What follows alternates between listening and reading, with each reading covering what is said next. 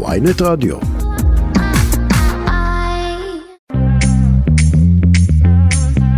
ערב טוב, מאזיני ynet רדיו, כמעט ארבע דקות אחרי ארבע, אתם על כסף חדש, התוכנית הכלכלית היומית של ynet רדיו. עורך אותנו שילה פריד על הביצוע הטכני, יוני קחטה וחגי בן עמי. לנו יש אה, שעה עמוסה, הרבה סוגיות על סדר היום. תכף נדבר על uh, התקציב שאושר בממשלה ובמסגרתו חינוך חינם מגיל שנתיים עד שלוש. זה שלב ראשון ביישום הבטחת uh, בחירות של חינוך חינם מהלידה. אנחנו נעמיק, ננסה גם להבין מי ישלם על זה ומי ייהנה מזה וננסה להעמיק בנושא הזה. נדבר גם על הגידול המשמעותי בתקציב המשרד לביטחון לאומי, המשרד של השר איתמר בן בן גביר. שם, אה, כן, קיבלו תוספות של אה, 9 מיליארד שקלים, אבל לא הצליחו לבטל את הסכם גג שכר, והמשמעות היא שמשרד האוצר במידה רבה ניצח, ובכל תקופה יפוטרו שוטרים שאינם עומדים בקריטריון. אנחנו ננסה להבין מהו הקריטריון ה... משטרתי שיוביל את המשטרה לפטר בכל שנה כ-8% ממחזורי הגיוס של השוטרים. נדבר גם על אה, עושק הפקדונות, נושא שאנחנו עוסקים בו הרבה בוויינט. נברר מי מקבל ריבית טובה יותר על אה, פקדונות, אה, נשווה בין הבנקים השונים. נתכונן ביחד גם לכנס שהתקיים ביום שלישי השבוע בנושא בלוקצ'יין באוניברסיטת בר אילן. ננסה להבין, שקל דיגיטלי, איפה ישראל עומדת בעניין הזה יחסית לעולם, הרבה הרבה סוגיות של כלכלה מבוזרת, ולקראת סוף השעה, ספורט וכסף, מפני שהנה, האמריקנים באים להפועל תל אביב, שעושה בוקר צעד משמעותי בדרך לבעלות חדשה. אנחנו נהיה עם כל הפרטים לקראת סוף השעה. כסף חדש, ynet רדיו, הנה אנחנו מתחילים, אומרים שלום, ערב טוב לסגן השר לשעבר במשרד ראש הממשלה, יושב ראש מפלגת חופש כלכלי, ערב טוב אביר קארה. ערב טוב אה, רועי, לך ולמאזינים. אה, רק בפתח הדברים, כי אני מניח שאנחנו ישירות נצלול לנושאים הכלכליים. רוצה להשתתף אה, בצער המשפחות בעקבות הפיגוע המזעזע היום בחווארה, שני ישראלים נרצחים. נותן לנו איזושהי תזכורת קצרה באיזה מקום אנחנו נמצאים, ובאמת אה, לשלוח אה, את האיחולים האפשריים כן. כמה שאפשר להשתתף בצער המשפחות. אז הנה, אביר קארה, אנחנו uh, מתחילים ומדברים כלכלה.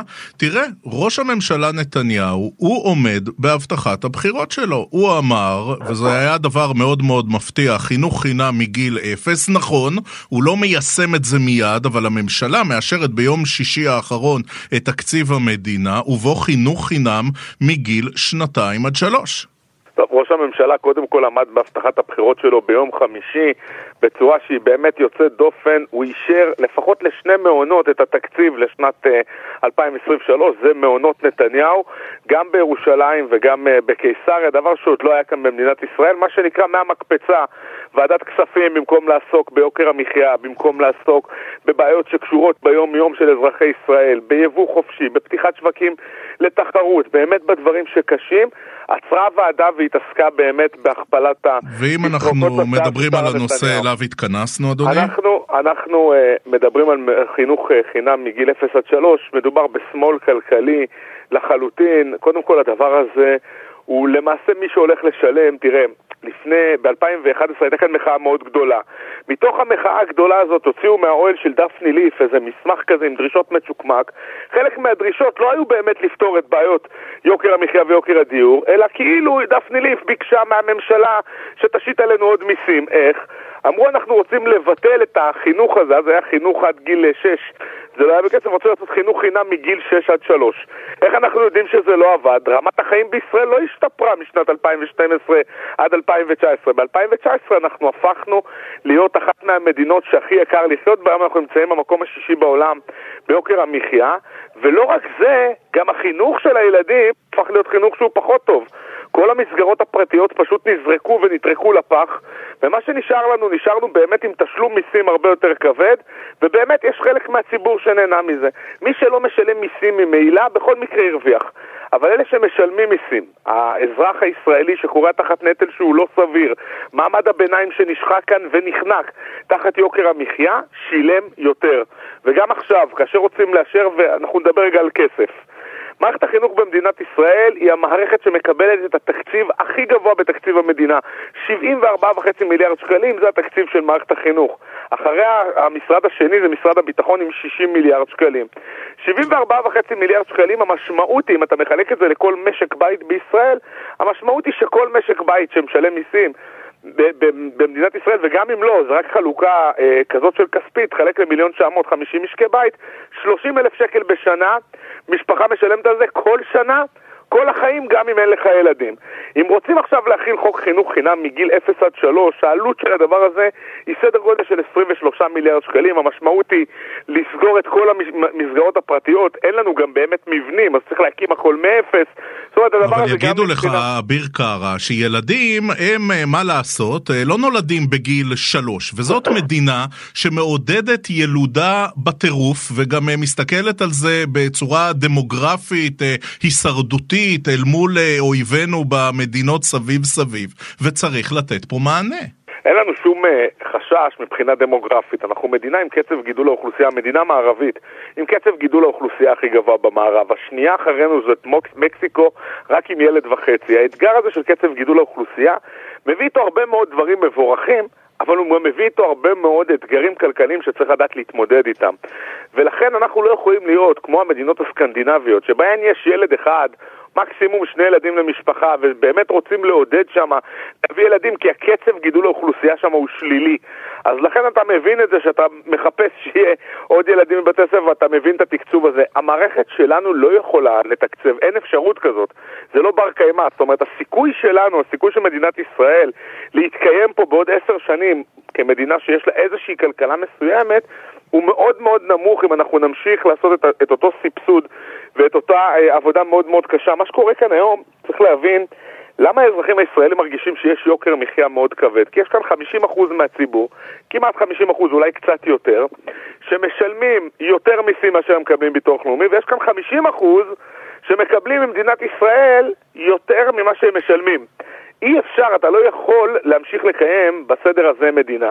יותר מזה, החינוך בישראל הוא ממילא חינוך גרוע.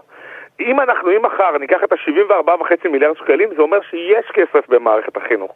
הוא פשוט לא מנותב בצורה רצינית. אם אנחנו ניקח את הכסף הזה ונאפשר חינוך בשיטת שוברים, ונאפשר אוטונומיה למנהלים בתוך בתי ספר, ונאפשר העסקה של מורים באופן ישיר, ולא רק דרך ההסתדרות או בכל מיני דברים כאלה, אנחנו גם נקבל חינוך שהוא איכותי יותר ביחס לכסף שאנחנו נותנים. אולי אנחנו נוכל שהורים חזקים יוסיפו כסף כדי לקבל מערכת חינוך מסוימת, ודווקא אנחנו נוכל למקד את התקציב של מערכת החינוך בהורים החלשים או במקומות שבהם אנחנו צריכים להעיר טיפה יותר. אבל אביר קארה, את כל מה שאתה אומר פה, תהליך. ואת כל מה שאתה מפרט פה, יודע בנימין נתניהו היטב, ועדיין הוא הבטיח את זה לפני הבחירות, והנה הוא גם מקיים את זה, והנה גם במידה רבה הוא מיישר קו עם קולות שאנחנו התרגלנו בדרך כלל לשמוע אותם ממפלגת העבודה, לוחסן ש"ס.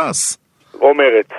וכשאתה מסתכל ואתה שומע את בנימין נתניהו של 2003, שאתה יכול רק לשים את התקליט הזה של 2003, הרי הוא יודע בדיוק שהדבר הזה הולך לפגוע בכלכלה הישראלית. יכול להיות אפילו אה, פגיעה, אתה יודע, כולם עכשיו מדברים על הרפורמה במערכת המשפט. פה מדובר במשהו שהוא הרבה יותר חמור ממה שיכול להיות במערכת המשפט, כי פה אתה תקבל... חינוך חינם גיל 0 עד 3 מבחינתך חמור יותר מהרפורמה המשפטית.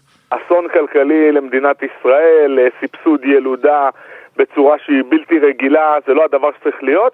צריך לקחת ולקחת את, יש תקציב במערכת החינוך, 74.5 מיליארד שקלים, צריך לחלק אותם בצורה אחרת. יכול להיות שזה אפילו יתחיל מגיל אפס, אבל זה יכול להיות שיהיה לשני ילדים, יכול להיות ששיטת השוברים תוכל לפעול בצורה שונה. להביא עוד 23 מיליארד שקלים, עוד 20 מיליארד שקלים לתוך התקציב הזה, ותוך ריסוק של המערכת הפרטית. צריך לזכור שיש שם הרבה מאוד גנים פרטיים. טוב, המערכת הפרטית, אה, אתה יודע, היא אה, נולדה ונוצרה ומתקיימת כי אין מענה ציבורי.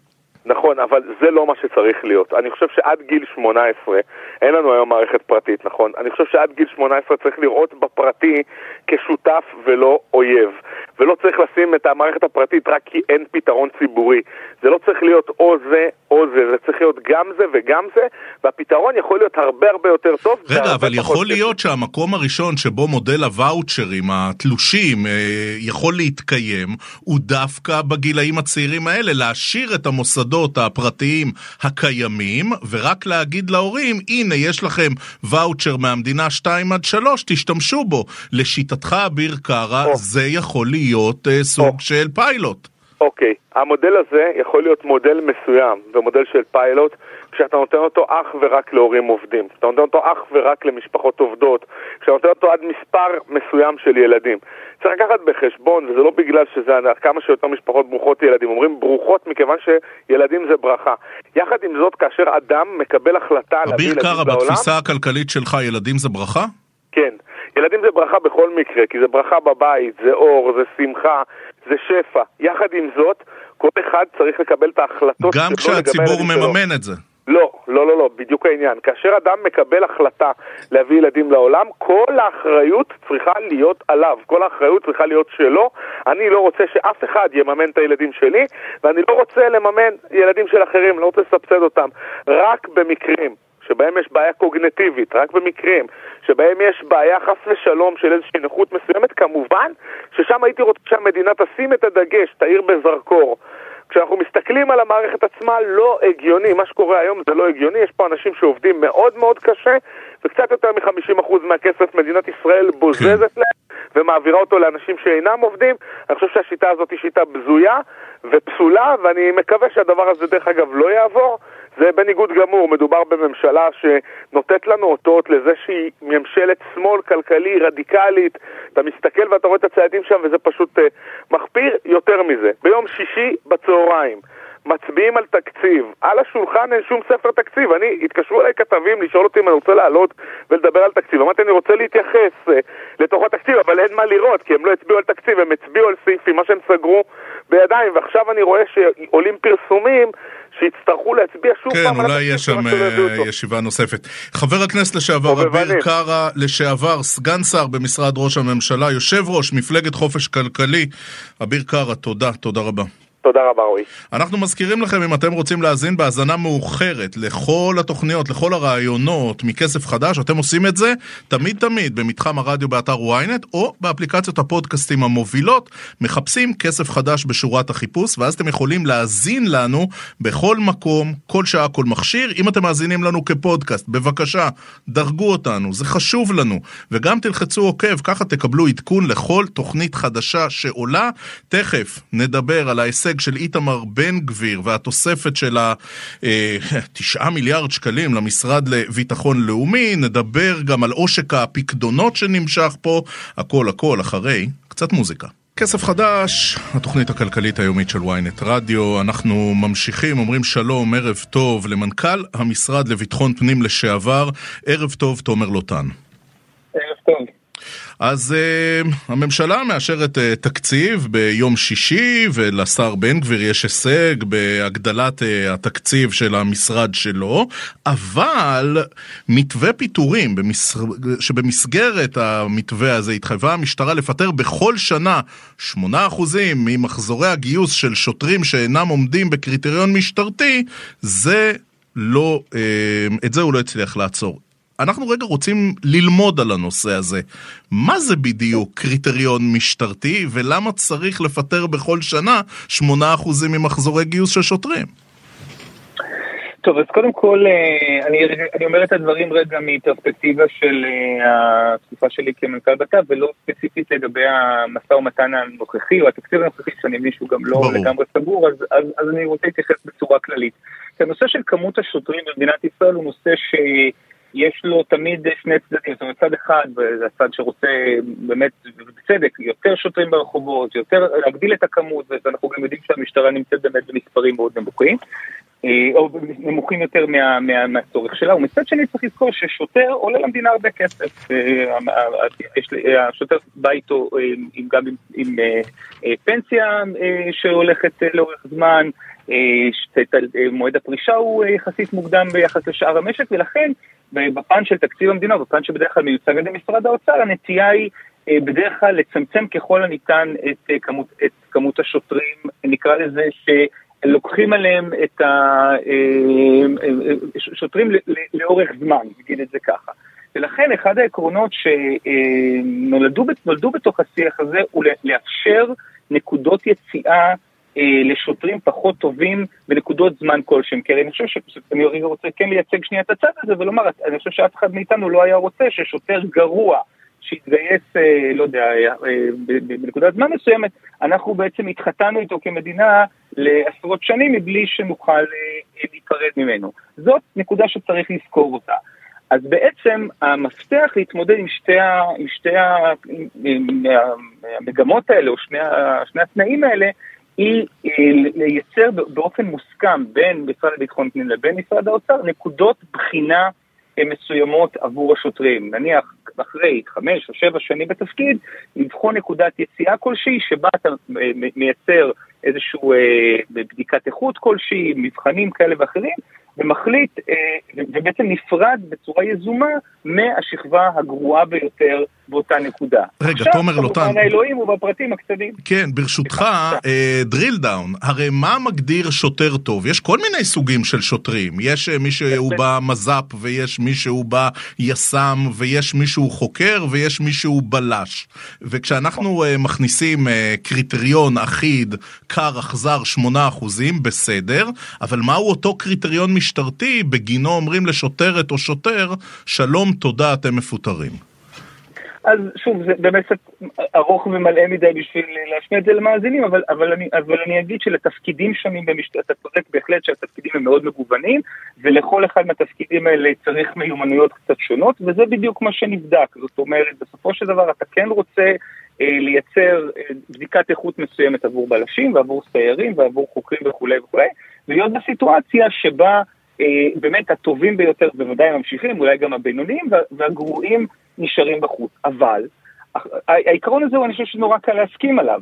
אבל עכשיו השאלה היא, איך אתה עושה את זה, ובאיזה מידה אתה עושה את זה, האם זה באמת ביצירת אה, אה, אחוז, נקרא לזה across the board, עם גמישות בתוכו, האם אתה מייצר מתווה רב-שנתי, האם אתה יכול על חשבון שנה אחת שהייתה נגיד מחזור מוצלח, לפצות בשנה אחרת עם מחזור פחות מוצלח, אלה לרוב סוגי הדיונים שמתקיימים בין משרד הבט"פ למשרד האוצר, כי שוב אני אומר, על העיקרון הבסיסי יש הסכמה, על הפרטים של איך אתה צריך לעשות את זה, אני חושב שפה באמת, אה, פה באמת אה, יש אה, הרבה פעמים משא ומתן או כיפופי ידיים, וצריך לזכור עוד דבר מאוד חשוב, שאני חושב גם אני מאוד חוויתי אותו בשנה, שנה וחצי, כשאני הייתי כמנכ"ל במשרד, הוא שלצד המפוטרים, יש גם מתפטרים, זאת אומרת, יש גם אנשים שעוזבים את המשטרה מרצון, אה, לא מעט כאלה, אה, בכלל זה מצטרף למגמה עולמית של, של אה, עובדים בכל הסקטורים, בטח... ותומר לוטן, המתפטרים כן. האלה מכחולי המדים, הם הולכים הביתה בגלל כסף? שאלה מצוינת, אה, אה, כשאתה, כשאתה בודק את השאלה הזאת בסקר, אתה מקבל את הנושא של השכר והתנאים כ, כסיבה ראשונה, אבל לא הסיבה היחידה. זאת אומרת, הייתי אומר שזה שילוב של תנאים, כלומר זה שכר וכולי, אה, השחיקה מהעבודה, בדרך כלל מי שאנחנו רואים שהמאפיינים של המתפטרים הם לרוב שוטרים צעירים, נגיד שלוש, חמש שנים ראשונות שלהם לשירות, הם השוטרים שנקרא לזה נטחנים יותר מאחרים, אלה שעושים יותר סופי שבוע ומוקפצים בלילה וכולי וכולי, אה, בתפקידים שהם בדרך כלל גם במקומות יותר קשים, זאת אומרת אנחנו נראה נגיד יותר מתפטרים בתחנות קשות במגזר הערבי, לעומת נגיד תחנות במרכז הארץ. ואגב, לכן, לכן גם מתווה, נקרא לזה מתווה שיפור השכר וכולי וכולי, אני, אני, לפחות העמדה שלי לגביו, זה משהו שעסקנו בו הרבה במשרד, הוא מאוד צריך להיות מותאם דיפרנציאלית לקבוצות האלה. אתה מאוד רוצה לפצות סייר, צעיר, שעובד קשה ב...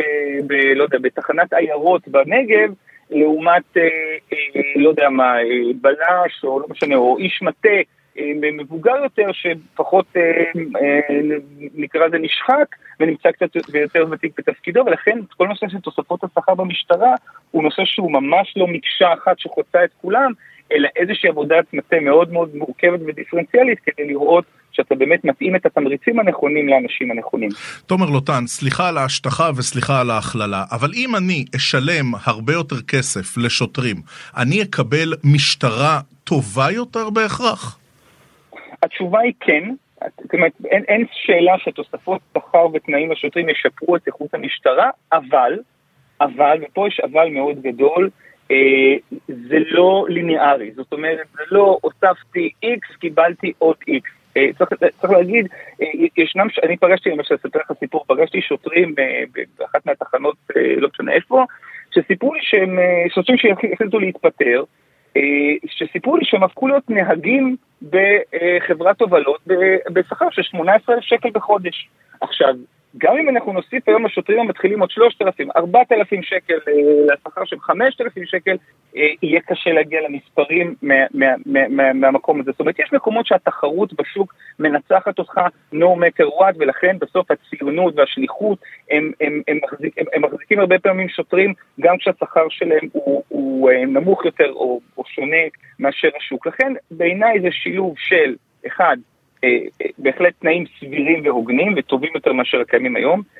אה, יחס הולם מצד המפקדים, אנחנו ראינו שזה גם נושא שמאוד מאוד הטריד שוטרים וגרם להם להישאר יותר בתפקיד. ו, וכמובן המשך שימור התנאים הקלאסיים שלהם, שזה פנסיה מוקדמת וכולי וכולי, כאלה דברים שמשאירים הרבה מאוד אנשים במשטרה. והדבר האחרון שאני רוצה להגיד, וזאת נקודה שצריך לזכור תמיד מהצד השני, זה קשור לתחילת השיחה שלנו על ה... על המפוטרים או אלה שיש לפטר אותם, צריך גם לזכור שככל שאתה מגייס ומצליח להביא עוד ועוד ועוד שוטרים, זה דבר מצוין, צריך גם להיזהר שאנחנו לא יורדים ברמה. זאת אומרת שאנחנו לא מתפשרים בנקודת הכניסה למלא את השורות רק כדי שיהיו יותר ויותר ויותר, ובעצם עלולים להכניס לשורות המשטרה אנשים לא מתאימים. אני חושב שאנחנו צריכים ביד אחת להמשיך לעבוד על הכמות, כי זה מאוד מאוד מאוד חשוב, ואני חושב שזו הבנה גם של הממשלה הקודמת וגם של הממשלה הנוכחית. כן. מצד שני, לא להתפשר על האיכות בשום שלב, ולשים עוגנים מקצועיים כאלה ואחרים כדי לבטח שזה מה שקורה. תומר לוטן, אתה יודע, זו לא הפעם הראשונה שאנחנו משוחחים בשידור, ואני מודה שעדיין לא הבנתי מהו אותו קריטריון משטרתי, על פיו אה, בוחנים מי יפוטר ומי יישאר, ויש לי תחושה עדינה שגם במשטרה לא בדיוק יודעים מהו הקריטריון הזה. לא, אז דווקא, אולי אני חייב להגיד לה שוב, אני, אני, אני אולי לא פירטתי את זה יותר מדי, אבל... לא, אני גם יכול לקחת את זה על עצמי ועל חוסר ההבנה שלי, כן. חס וחלילה. תראה, יש, אלה סדרה של מבחנים, חלקם הם, הם מקצועיים, זאת אומרת, בדיקה של אה, תפוקות ופעולות ביחס לפעולה של השוטר הזה בשגרה. אה, מבחן שני שמשתמשים בו הרבה במשטרה הוא אה, נקרא לזה ציוני עמיתים, מה חושבים עליך הפקודים שלך, מה חושבים עליך המפקדים שלך, מה חושבים עליך העמיתים, זה כמו בהרבה מאוד מקומות אחרים. יש גם מקומות שבהם יש מבחנים תיאורטיים שצריך לעבור, למשל במקצועות מסוימים בתוך, אה, בתוך המשטרה, ואז יוצא ציון חתך. זה קורה, שוב, זה לא שונה במשטרה מאשר בעוד הרבה מאוד ארגונים, כולל בשירות המדינה. ציוני חתך שנעים מציון X עד ציון Y. הטוב, וכאשר יש איזשהו מינימום, שאם אתה לא עובר אותו, נגיד סתם, אני זוכר, אם יש סקאלה מ-0 עד 10, אז מי שלא עבר את הציון 3, לא יוכל להמשיך במשטרה. אני חושב שזה אה, בסך הכל דבר הגיוני, כן. אבל צריך לעשות אותו ב, ב, ב, גם בשום שכל, גם בהתייחסות למגמות האחרות במשק שדיברנו עליהן, מתפטרים, לא מתפטרים, זאת אומרת, לראות שאנחנו לא עושים נזק מתמשך למשטרה, וכמובן, כמובן, עם אה, התאמה מאוד מאוד מדויקת לצרכים השונים של המשטרה בין תחנה לתחנה או בין מקצוע למקצוע. תומר לוטן, לשעבר מנכ"ל המשרד לביטחון פנים, תודה רבה על השיחה, השכלנו אדוני, תודה וערב טוב. נשתמע, להתראות. עכשיו אנחנו עוברים לעושק הפקדונות, אחד הנושאים שמקפידים לעסוק בו בוויינט וגם אצלנו בתוכנית. אומרים שלום, ערב טוב, לכתב שוק ההון והבנקים של וויינט, שלום דן רבן. אהלן רועי, מה קורה? שלומך? שלומי טוב, ואתה? אמ, תשמע, זה קצת תלוי בשיחה שלי עכשיו איתך. הכל סביר, הכל סביר. יש אה, נתונים חדשים שהחל לפרסם אה, בנק ישראל, שכוללים בין היתר את מה אנחנו מקבלים על הכסף שלנו, איזה ריבית, ו, וזה כאמור, בהמשך לעיסוק של, של האתר ושלך במיוחד, בסוגיית עושק הפקדונות. נכון, נעשה שנייה ריקאפ למי שפחות מכיר אולי, לפני כמעט שנה התחלנו לפרסם אה, מעקב אחרי אה, העלאות הריבית של בנק ישראל בבנקים, כלומר האם אה, הבנקים מגלגלים את הריביות גם לפקדונות של האזרחים, ובעצם גילינו שהם לא, שבנק ישראל המשיך להעלות את הריבית בשביל להילחם באינפלציה, והבנקים בישראל לא העלו את הריבית לפקדונות, בעוד על ההלוואות הם כן העלו. אה, כלומר, הם לוקחים לנו יותר כסף ולא מחזירים לנו את הכסף אה, שמגיע. מאז היה הרבה ביקורת ציבורית, היו דיונים בכנסת, היה ביקורת של אה, המפקח על הבנקים, ובאמת המצב השתפר קצת. בחודש אוקטובר האחרון בנק ישראל התחיל לפרסם כל חודש השוואה בין הריביות, mm-hmm. שזה כלי חדש שלא לא היה.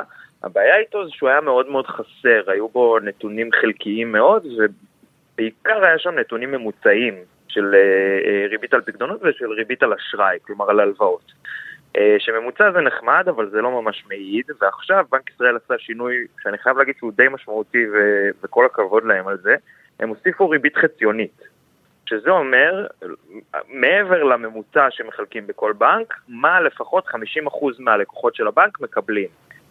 אה, עכשיו, כל הכבוד לבנק ישראל ופחות כל הכבוד לבנקים, כי התמונה די עגומה. אז תן לנו רגע את הנתונים של אה, חודש ינואר האחרון. אז אם אנחנו מסתכלים למשל על השפעה של ריבית לפקדונות, ריבית פקדונות בריבית משתנה לחודש, mm-hmm. Uh, בחמשת הבנקים הגדולים אנחנו מקבלים דבר כזה, בפועלים 1.63, בלאומי 1.96, במזרחי 1.97, בדיסקון 2 ובבינלאומי 2.04 גם. אבל אם אנחנו הולכים לחציוני, שזה הריבית בפועל, שמה שקיבלו 50% מהלקוחות, הפועלים 0.78, כן, לעומת 1.63, mm-hmm. לאומי עם 1.75, מזרחי גם כמעט עם חצי, 1.11 במקום 2 אחוז, אה, דיסקונט זה קצת עולה ל-3.67 והבינלאומי גם יורד ל-1.53. אה, מה שאומר שבפועל הבנקים, רוב הבנקים נתנו לרוב הלקוחות ריבית הרבה יותר נמוכה מהריבית הממוצעת וככה עולה גם מהתמונה המשלימה, כלומר של האשראי, של ההלוואות. אז אה, יש לך יותר כסף, אתה תקבל ריבית יותר טובה. נכון, אז זה לא מה שהנתונים של בנק ישראל הם לא אה, אה, שוברים אה, פה תקרות וחלונות והם לא אה, חדשים מאוד. אה, כלומר, הטענה הזאת של, אה, של אה, מי שעשיר מקבל תנאים יותר טובים בבנק היא טענה מאוד מאוד מוכרת והיא גם טענה שהבנקים החדשים, כמו 1-0 נגיד, רוכבים עליה, כן? הם אומרים בוא אלינו, אנחנו, כל הלקוחות אצלנו אותו דבר.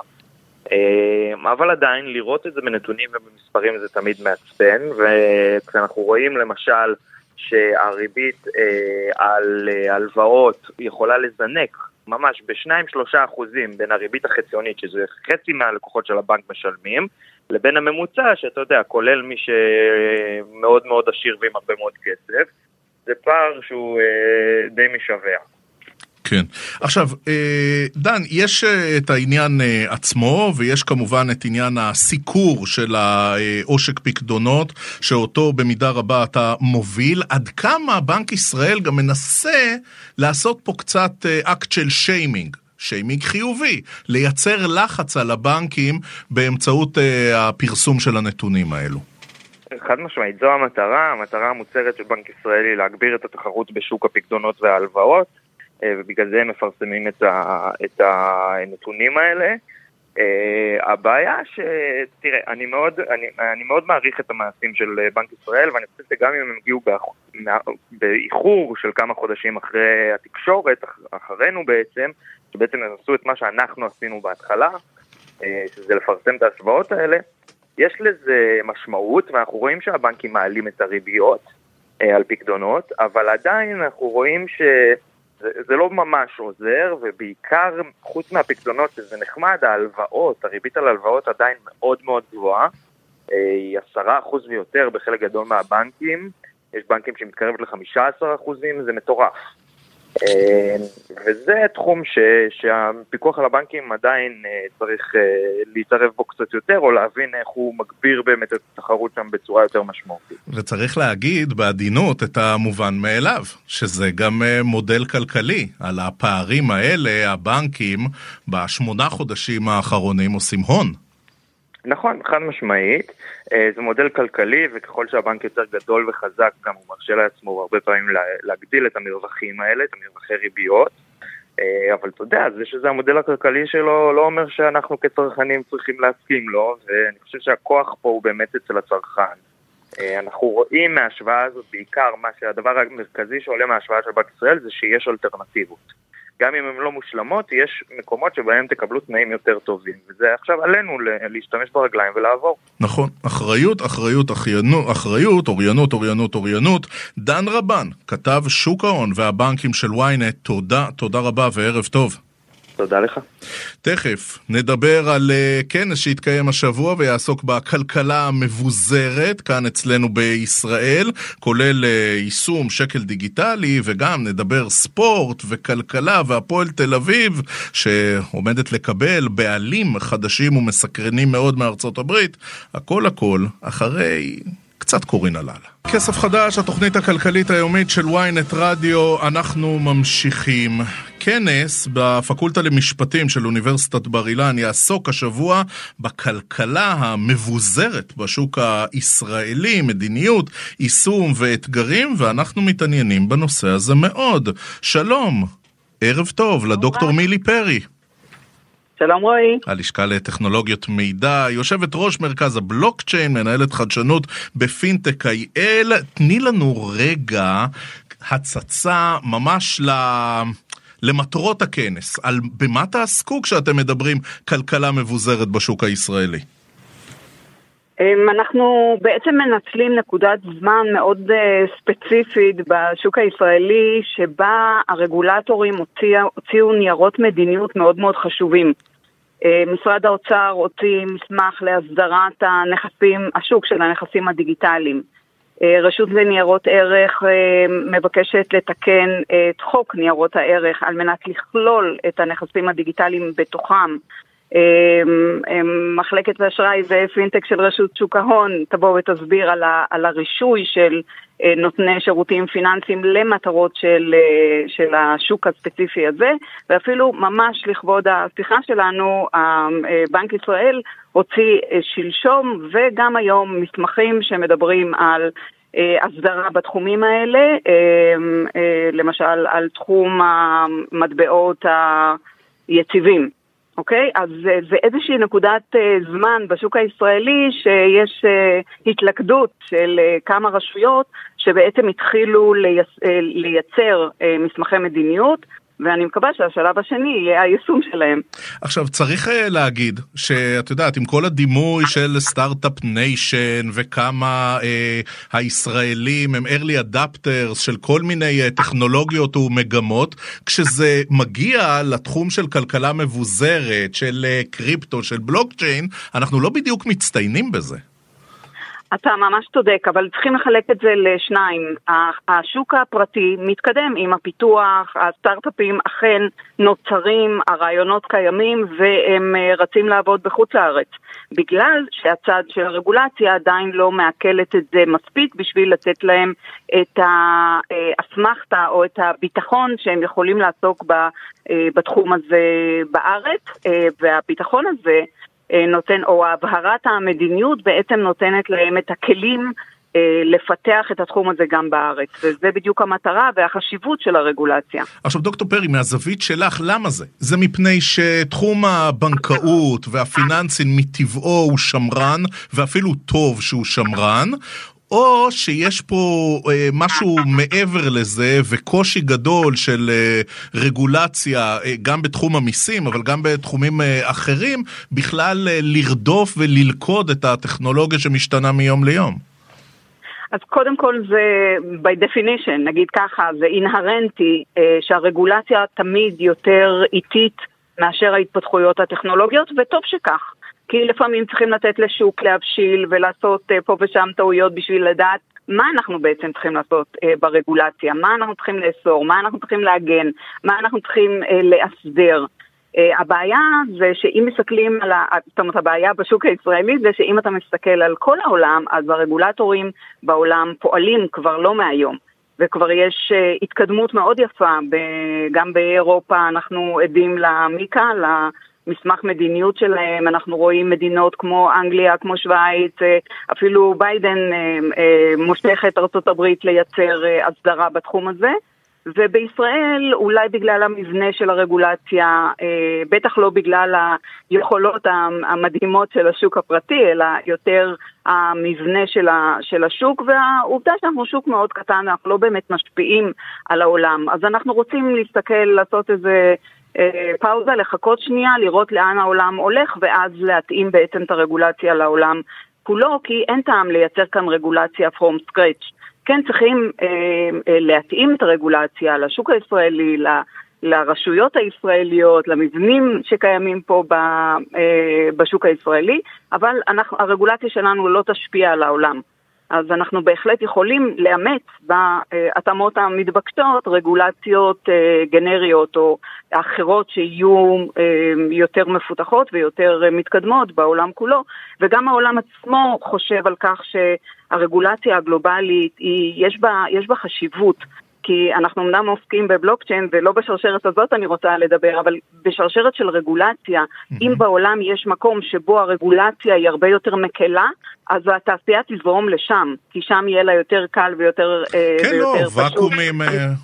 בדיוק, בדיוק הנושא של הוואקום, אין ואקום. כן. אז אה, אולי, עכשיו... אולי זה כן מושכל אה, להמתין שנייה ולייצר את הרגולציה בזמן הנכון. דוקטור מילי פרי, את יודעת, זאת הייתה שנה לא פשוטה למטבעות דיגיטליים ולבורסות קריפטו ובורסות מטבעות. אה, יכול להיות שדווקא באיזה הפוך על הפוך, ככל שירגלצו יותר, אז גם ייתנו יותר לגיטימציה ויהיו פחות, לא רוצה להגיד שרלטנים, אבל תהיה פחות הונאה בכל התחומים האלו? אה, אז בהחלט הרגולציה, אחד התפקידים המרכזיים שלה זה לא רק, לה, כאילו, המטרה שלה זה לא להכביד על היזמים, אלא המטרה המרכזית זה לשמור על הלקוח, להגן על הלקוח, על הזכויות שלו, על היכולות שלו לפעול בתוך השוק.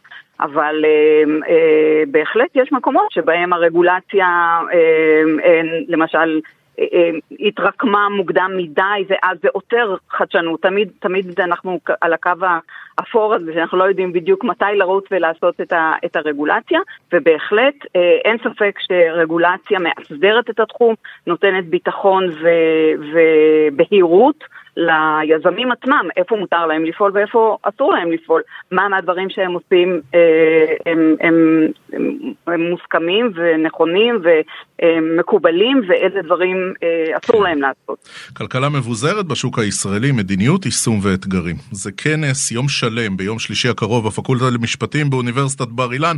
דוקטור מילי פרי, הלשכה לטכנולוגיות מידע, מנהלת החדשנות של פינטק אייל. תודה גברתי, תודה רבה. תודה לך, תודה. במעבר חד, עוברים לספורט, עוברים לכלכלה, עוברים להפועל תל אביב. שלום לעורך ynet כלכלה, ובעוונותיו גם אוהד הפועל תל אביב, שלום צחי שדה. זהו, היה חשוב, היה חשוב מאוד לציין את, ה, את החלק השני, רועי, כי זה יותר קריטי מעורך ynet כלכלה, הרי מה, מה זה משנה בכלל לכלכלה בסיפור הזה? אמ, תגיד, אה, אתם רואים את האור? זאת אומרת, אה, אתם מרגישים שהנה האמריקנים באים, שמים כסף, והפועל תל אביב יוצאת לדרך חדשה, אימפריה, צריך להגיד. אימפריה. בספורט הישראלי בשנים מאוד קשות. אז תראה, אוהדי הפועל תל אביב בעיקרון תמיד רואים רק את החושך, אתה יודע. ועד, ש, ועד, ש, ועד שלא רואים הודעה רשמית עם תמונות, עם אה, זה, עם, עם שחקנים שחותמים, אז כבר, אה, אז לא מאמינים. אבל תראה, הסיפור הזה פה הוא נראה די רציני, וכדאי גם להסביר באמת איך, אה, אם אנחנו מדברים באמת קצת על כלכלה, על איך עבדה העסקה הזאת, שזה באופן קצת שונה בספורט הישראלי, ובטח בהפועל תל אביב, שעברה מההסתדרות ל... לסמי סגול, לאלי טביב, אתה יודע, במבי וכל מיני דברים מוזרים כאלה שקרו במהלך כל השנים, אז הקבוצה האמריקאית הזאת שבאמת אה, אה, נראה שהיא מאוד רצינית ובדקה, עשתה בדיקה אמיתית של כל הניירות ובדיקה כלכלית, אתה יודע, דברים אנחנו לא רגילים בכדורגל הישראלי לדברים האלה, שבודקים באמת כמו, כמו חברה עסקית את, את החובות, את ה... מה, ממש ה... הרמת מסך, דו דילג'נס, כן, כל כן, הגשפט, כן? הטענה היא שהם שמו חצי מיליון שקל על הסיפור הזה, בדלויט עם בדיקה רצינית והכל, כדי לראות את כל הדברים, שלא יהיו הפתעות ולא יהיו שום דבר, אתה יודע, יש גם עניינים עדיין משפטיים מסוימים אה, עם החובות עבר וכל הסיפור הזה. ובתקשורת הספורט הישראלית, אתה יודע, אה, כל פעם יש איזה אה, עניין אחר, מישהו אחר חושב שזה כן צריך ליפול, לא צריך ליפול, אבל זה נראה באמת שעכשיו, היום, הידיעה של היום הייתה באמת שהחברי. הדירקטוריון הנוכחיים, הבעלים הנוכחיים התפטרו מהדירקטוריון, אה, ובאמת נראה שביום שלישי מגיע לפה הבחור האמריקאי, אה, דויד מינצברג קוראים לו, שהוא הוא לא, הוא לא איזה שייח' אה, סעודי, הוא, ולא שייח' אמירתי גם, הוא איזה מישהו שהוא נראה קצת יותר רציני מזה. ובאים סליחה על החשדנות, אבל הזיקה שלו להפועל תל אביב היא מה? כי, זה, כי, אז... כי כדורגל ישראלי זה לא מקום שבאים לעשות בו כסף. אז אתה צודק, וזה באמת, זה, זה באמת אחת, אחת השאלות הגדולות, כי הקבוצה הזאת שהיא מורכבת מכל מיני אנשי כדורגל אה, גם אה, שפועלים בקבוצות באירופה וכל מיני דברים כאלה, נראה כאילו הם באים פה באמת באיזשהו עסק כלכלי לבוא ולקחת ולהשביח את הנכס ואולי למכור אותו אחר כך, אולי לא, וכמו שאמרת, אנחנו כאילו, התפיסה שלנו שבכדורגל הישראלי זה לא עובד. אה, תשמע, אבל הכדורגל השתנה קצת, יכול להיות שזה כן יכול לעבוד אם מישהו מנהל את זה בצורה נורמלית. אז, אז בעצם לפי, ש... לפי העסקה שאמורה לקרות עכשיו, הם מעבירים, אה, הם כבר חתמו הרי את ההסכם מסגרת, שזה היה תנאי לבדיקת אה, אה, נאותות וכל הסיפור הזה, ועכשיו הם בעצם מעבירים את הסכום שהם התחייבו לו להעביר אותו עד סוף השבוע הזה, שזה 7 מיליון שקל, לא סכום גדול, 2 מיליון דולר. אה, אה, כדי באמת אה, להעביר את זכויות הניהול אליהם, ומה שהאמת דווח בשבוע האחרון, שבעצם הם יעבירו עוד שלושה מיליון דולר, ובזה בעצם הם, הם גם יקנו את המניות, לצורך העניין של הבעלים הנוכחיים, וידללו אותם לחלוטין, ובזה הם יהיו הבעלים של הקבוצה, שאתה יודע, מבחינת אוהדי הפועל תל אביב, היום זה נשמע כמו איזה חלומות באספמיה, אבל... אבל אולי זה באמת קורה. עכשיו, צחי, תן לנו רגע הצצה לכדורגל הישראלי, מפני שאנחנו uh, התרגלנו לשמוע סכומים אחרים לגמרי, זה גם uh, יעקב שחר כמובן, וזה נכון. גם uh, uh, במכבי תל אביב, וזה גם בהפועל באר שבע, אלונה ברקת, עם סכום של שלושה מיליון דולר, או עם, או, כן. אתה יודע, בכלל, השכונה הזאת של הסכומים. הפועל תל אביב, מה, היא יכולה לחזור להיות גורם רלוונטי, או שהכוונה היא רק לשנות בעלות ולצאת לדרך חדשה? אז תראה, באמת השווי של קבוצת כדורגל בישראל זה, זה עניין שזה נשמע לנו באמת סכומים קטנים, כי גם, אגב, גם אה, אלי טביב כשהוא קנה אז את הקבוצה, שילם אה, סכום, סליחה, הוא קיבל, כשהוא מכר את הקבוצה, קיבל סכום די דומה, פחות או יותר, פלוס מינוס מחיים רמון, בואו לא ניכנס למה חיים רמון עשה שם, אבל, אבל אה, אבל uh, קיבל סכום uh, די דומה, ובעצם הסיפור בכדורגל זה להעמיד את התקציב, לא לקנות השווי של הקבוצה עצמה, הנכסים שלה, או, או זה, זה לא כמו שאתה קונה את מנצ'סטר uh, יונייטד ואז אתה משלם, uh, זה, אתה, אז זה סכומים קטנים, אבל מכיוון, כמו שאמרת בהתחלה, שפה הסיפור הוא כמה, השאלה כדי להגיע לאיזה שהם הישגים, אתה חייב להעמיד תקציב נורמלי, שהיום התקציב זה של מכבי חיפה, מכבי תל אביב זה 100 מיליון שקל, זה כבר סכומים אחרים. אז אה, אתה יודע, אז, אה, אז הפועל תל אביב תמיד הייתה, היא העמידה אה, עם הכנסות הטבעיות שלה, שהקהל שלה כן מכניס כסף והכל, הגיע ל-40 מיליון שקל, הפועל באר שבע היום קצת יותר מזה, אני חושב 60 מיליון, משהו כזה, אז אתה יודע, זה הסיפור. השאלה האם הם יעמידו את התקציב ויצליחו לייצר אה, אה, מהנכס הזה שהוא הפועל תל אביב, שאגב, כמה שהוא מושמץ ובאמת זה בשנים האחרונות, זה, זה, מבחינת ההכנסות מהקהל, זה אחד המועדונים שאפשר לעשות עם אה, הכי הרבה כסף. לא, לא, לא, פוט, פוטנציאל, אה, אם אתם אה, מוכנים לקנות כרטיסים תמורת המוצר של השנים האחרונות, אתה... אפשר רק לדמיין מה, כמה אתם תהיו מוכנים להיות מחויבים למוצר אמיתי. תשמע, אני, אני אתמול הייתי בשבת בשלוש בצהריים, ואתה יודע, האווירה של כדורגל והכל, אתה מסתכל למגרש, אתה לא רואה כדורגל, אז זה קצת, זה קצת בעיה, ועדיין היו... ועדיין היו 12 אלף איש, כן? זה בלי אוהדים של אשדוד, אוהדים של אשדוד זה 12 אנשים בערך. אז 12 אלף איש באים בשביל הדבר הזה, הפוטנציאל הוא כן קיים. תשמע, צחי, אי אפשר uh, לחמוק מהשאלה האחרונה. Uh, הנה, באים משקיעים אמריקנים למרות הרפורמה המשפטית, ונזכיר ששר המשפטים ומחולל הרפורמה המשפטית, יריב לוין, הוא אוהד שרוף של הפועל תל אביב.